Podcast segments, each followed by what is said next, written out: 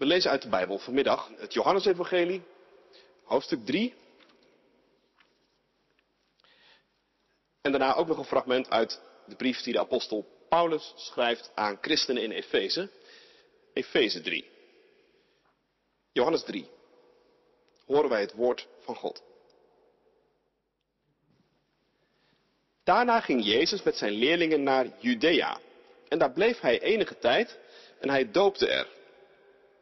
Johannes doopte toen ook in Enon, dicht bij Salim, een waterrijk gebied. En daar kwamen de mensen naartoe om zich te laten dopen. Johannes was nog niet gevangen gezet. Er stond, ontstond een discussie tussen de leerlingen van Johannes en een Jood over het reinigingsritueel. En ze gingen naar Johannes en zeiden tegen hem, Rabbi, die man die bij u aan de overkant van de Jordaan was, over wie u een getuigenis hebt afgelegd, is aan het dopen. En iedereen gaat naar hem toe.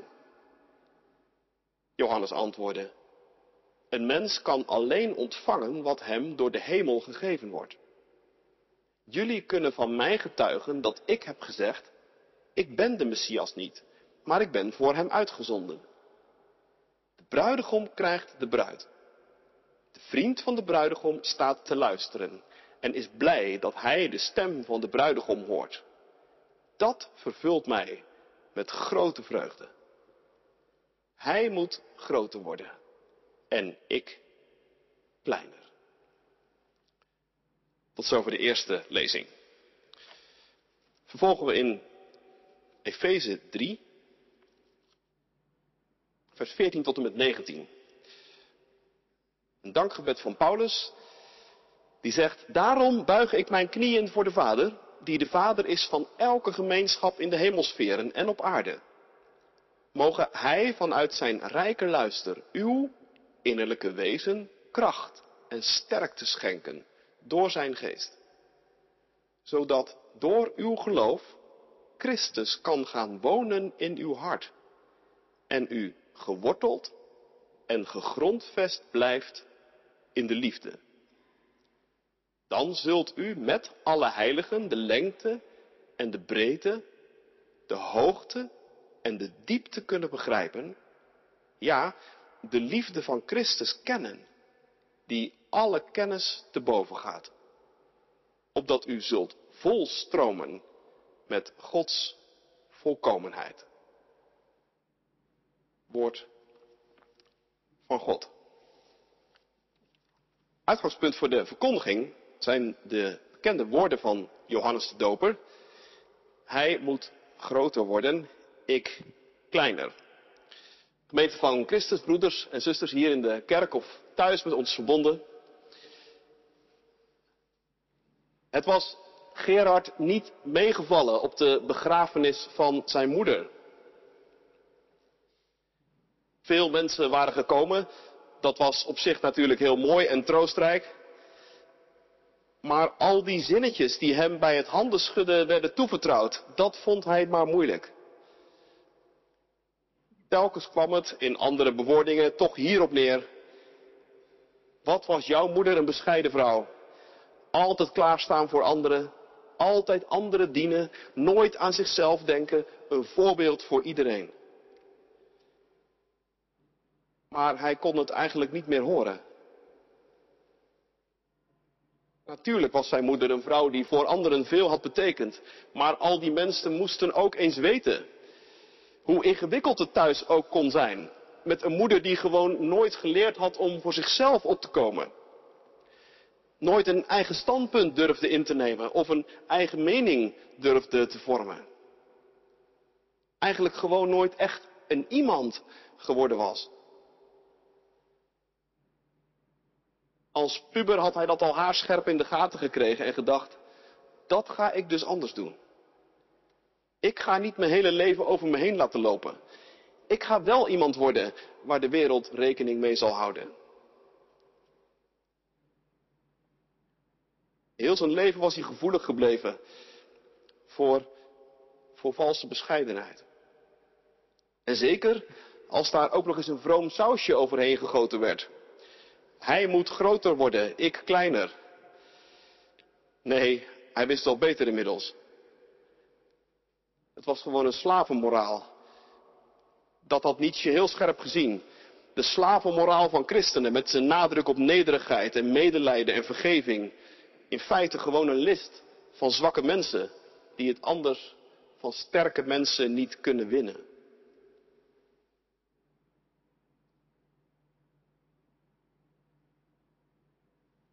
Zijn bekende woorden uit de mond van Johannes de Doper.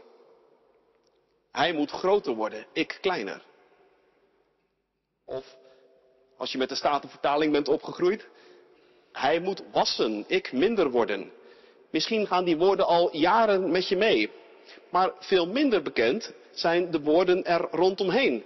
Zogezegd de context waarin Johannes dit zegt. Terwijl dat voor het goede begrip toch eigenlijk best belangrijk is. Laten we daar eens goed naar kijken vanmiddag.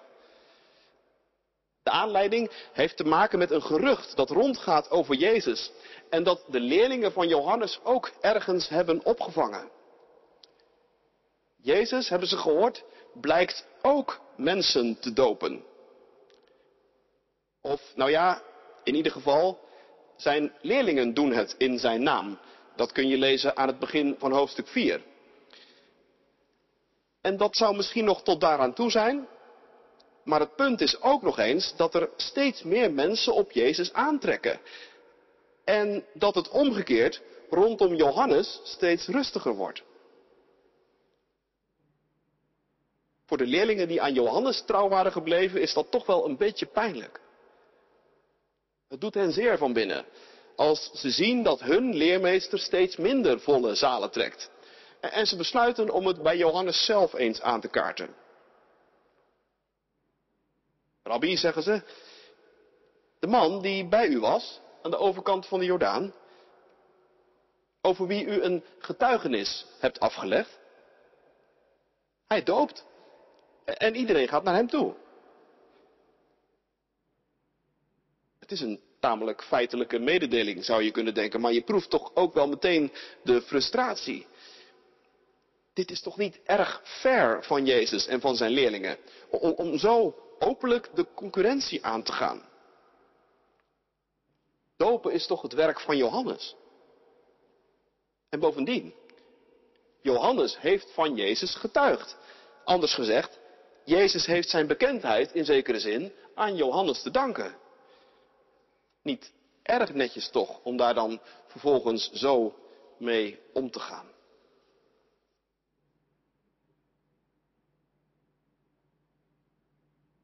Ik weet niet hoe het bij jou is, maar ik snap die leerlingen van Johannes eigenlijk wel. Het te moeten aanzien dat iemand anders succesvoller is dan jij, populairder is, dat zijn zaak beter draait, dat hij vollere zalen trekt en meer aandacht, ja, dat doet altijd iets met je. Op elk niveau, denk ik. In het klein, in vriendengroepen en onder collega's, in gezinnen, in families. Maar ook in het groot, in de politiek, in de media. Daar wordt zo'n beetje geleefd van de strijd om de kiezer en de kijker. Hoe meer views, hoe beter. Hoe meer zetels, hoe belangrijker. Wie de grootste buit binnensleept, die heeft het per definitie het beste gedaan. Onze cultuur gaat daar eigenlijk vrij klakkeloos van uit. En het is ook een vorm van denken die daarmee zelfs ook de kerken binnen, binnensluipt. De ene predikant die veel meer aandacht trekt dan de andere. De ene gemeente die andere kerken leegtrekt. Het komt allemaal voor. Ja, en probeer dan maar eens je positieve goed bij elkaar te houden. Als jij, of jouw partij, jouw bedrijf, jouw kerk, jouw dit of dat, degene is die het lijkt te moeten afleggen tegen de concurrent.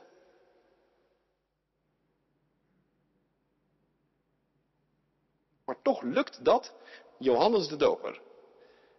Dat is zo grandioos aan dit stuk.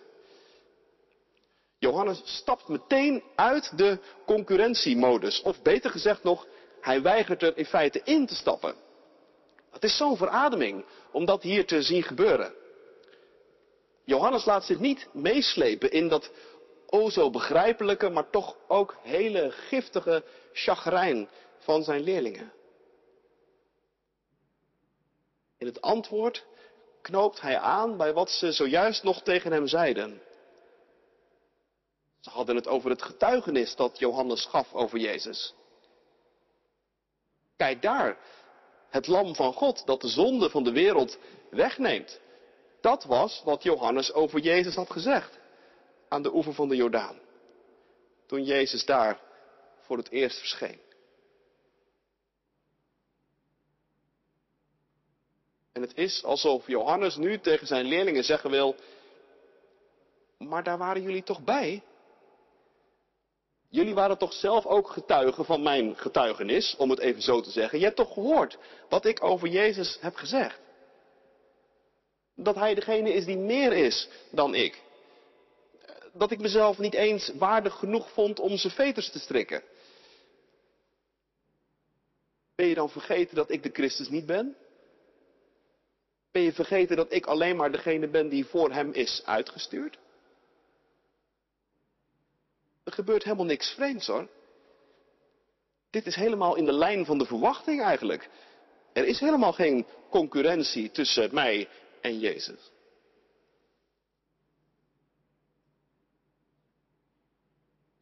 Fascinerend om te zien hoe Johannes hier de stukken op het schaakbord verplaatst. Niet door een, een briljante tegenaanval te openen, maar, maar door juist uit de aanvalsmodus te stappen. En Johannes laat meteen zien dat dit niet het soort gesprek is en de manier van denken die echt verder helpt en inzicht geeft. En juist zo verzet hij de bakens. Het is niet makkelijk hoor, om dat te doen. En het is al helemaal niet makkelijk om het ook vol te houden. Ik weet niet of je het wel eens geprobeerd hebt. Moet je eens even bij jezelf bedenken. Of je ooit wel eens in een dreigende concurrentieslag verzeild raakte.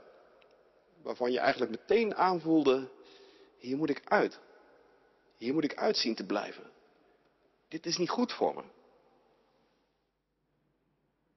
Valt niet mee om eruit te stappen. Valt helemaal niet mee om eruit te blijven. In de politiek zie je er op dit moment iemand als Pieter Omtzigt mee worstelen. Nieuwe politiek wil hij. Een oprecht verlangen heeft hij daarnaar, dat geloof ik echt meteen. Moedig ook om daar een groot thema van te maken. Kun je het ook volhouden? Als je partij ineens in het centrum van de macht staat. Samen met anderen die je niet misschien meteen hebt uitgekozen als je beste vrienden. Of zit je dan, ondanks al je grote idealen, toch eigenlijk voor je het weet meteen weer in het oude denken? In het oude patroon.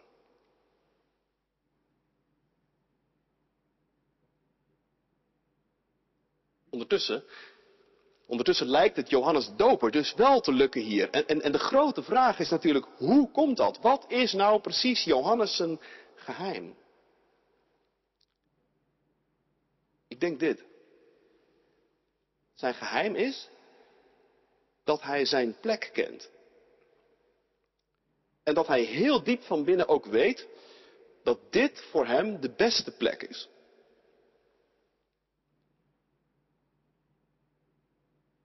In zijn antwoord maakt hij het duidelijk met dat, dat schitterende beeld van de bruid, de bruidegom en de vriend van de bruidegom.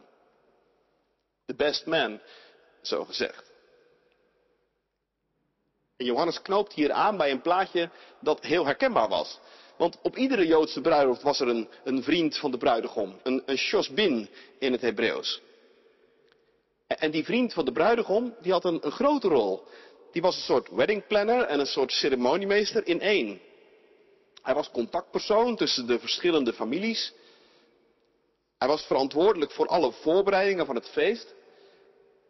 Ik las zelfs dat hij mee onderhandelde over de bruidschat, die toen gebruikelijk was in die tijd. En op de dagen van het feest zelf was hij aanspreekpunt voor alle gasten. En hoogtepunt, hoogtepunt van de taken van, van de Shosbin was het moment waarop hij de bruid mocht begeleiden naar de bruidegom. De bruid gesluierd natuurlijk, zoals dat ging. En dan het moment suprême, het moment waarop de bruidegom de sluier omhoog deed en het gezicht van zijn bruid zag. Ja, dan kon die bruidegom zich natuurlijk niet langer stilhouden. En je ziet het voor je.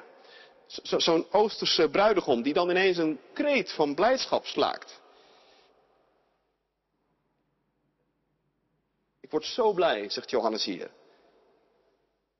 Ik word zo blij als ik dat hoor. Die stem. Die stem van de bruidegom.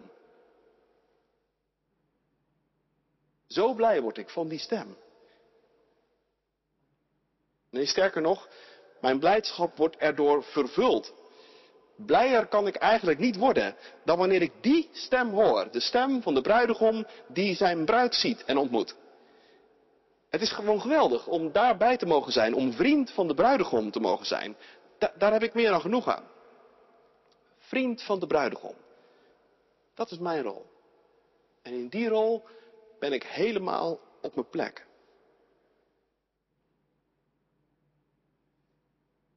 Ja, dacht ik. Zo en alleen zo kun je het volhouden. Om weg te blijven uit het moeras van de concurrentieslag. En van de strijd van alle tegen alle die overal gaande is om ons heen. Alleen als je je gekend weet in je rol als vriend van de bruidegom. Of alleen als je, om het met Paulus te zeggen in Efeze 3, als je geworteld en gegrondvest bent, heel diep geplant staat in de liefde. Dan heb je meer niet nodig.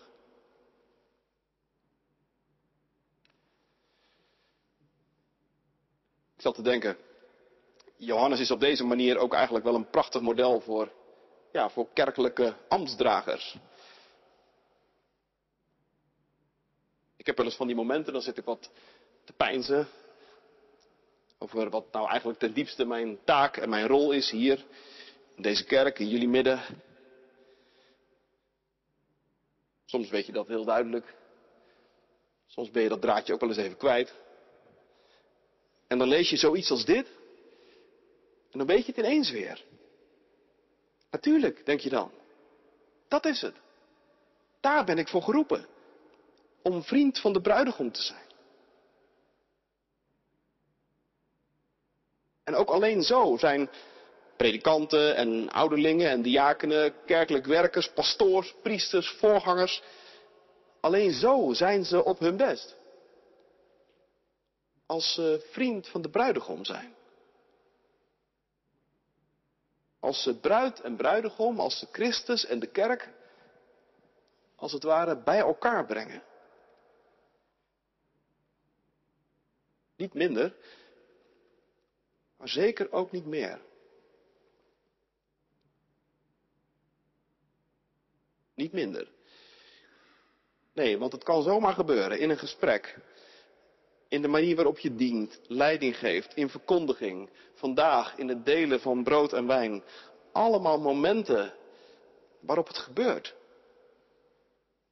Dat de vriend van de bruidegom, de bruid en de bruidegom een beetje dichter bij elkaar mag brengen.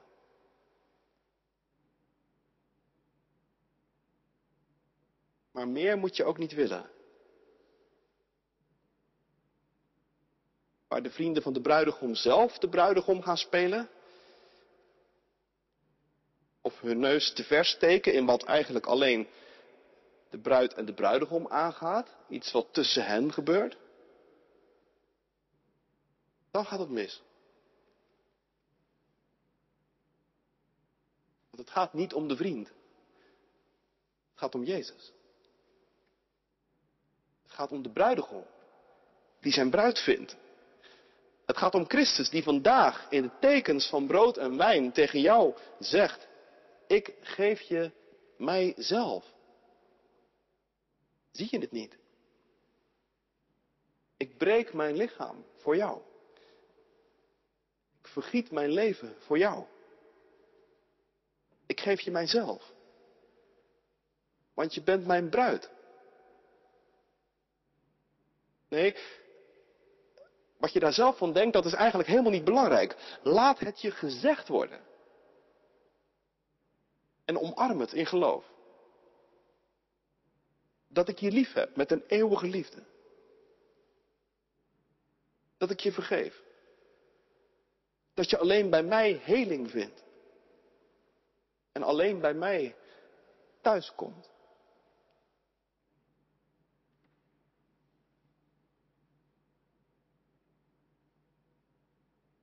Johannes weet als vriend van de bruidegom dat dat is wat er op het spel staat. Dat het gaat om die hele bijzondere band, die speciale relatie tussen Christus en de kerk, tussen de bruid en de bruidegom. En omdat hij dat weet, kost het hem, denk ik, ook helemaal niet zoveel moeite meer om, om die woorden daarna te zeggen. Hij moet groter worden en ik kleiner. Dat is eigenlijk niet meer dan een, dan een logisch gevolg van wat Johannes eerder heeft gedaan en gezegd. Natuurlijk moet hij groter worden en ik kleiner. Natuurlijk moet hij meer ruimte krijgen, meer podium en ik dus wat minder. Dat spreekt helemaal vanzelf. Als je een beetje begint te begrijpen wie de bruidegom is en wat hij met zijn bruid voor ogen heeft. En dat de zaak alleen bij hem in de veiligste handen is, ja, dan kan dat eigenlijk niet anders.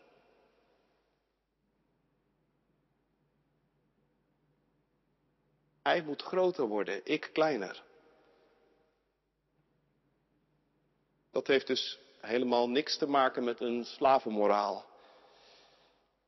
Of met zelfhaat. Of met ongezonde psychologie. Als je zegt, hij moet groter worden, ik kleiner.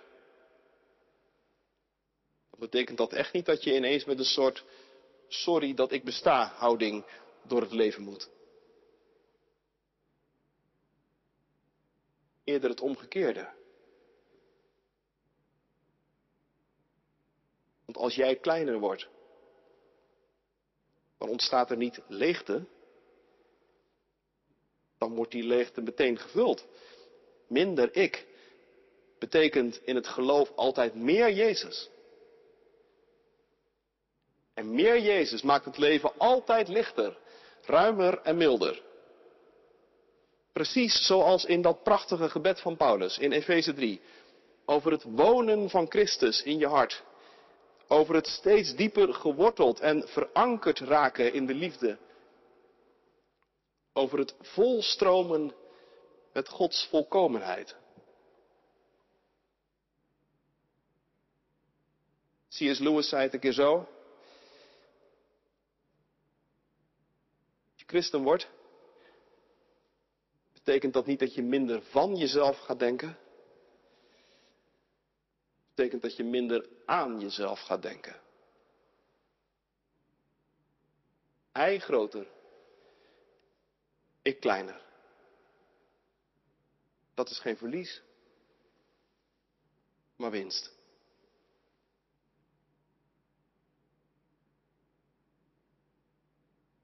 Tot slot.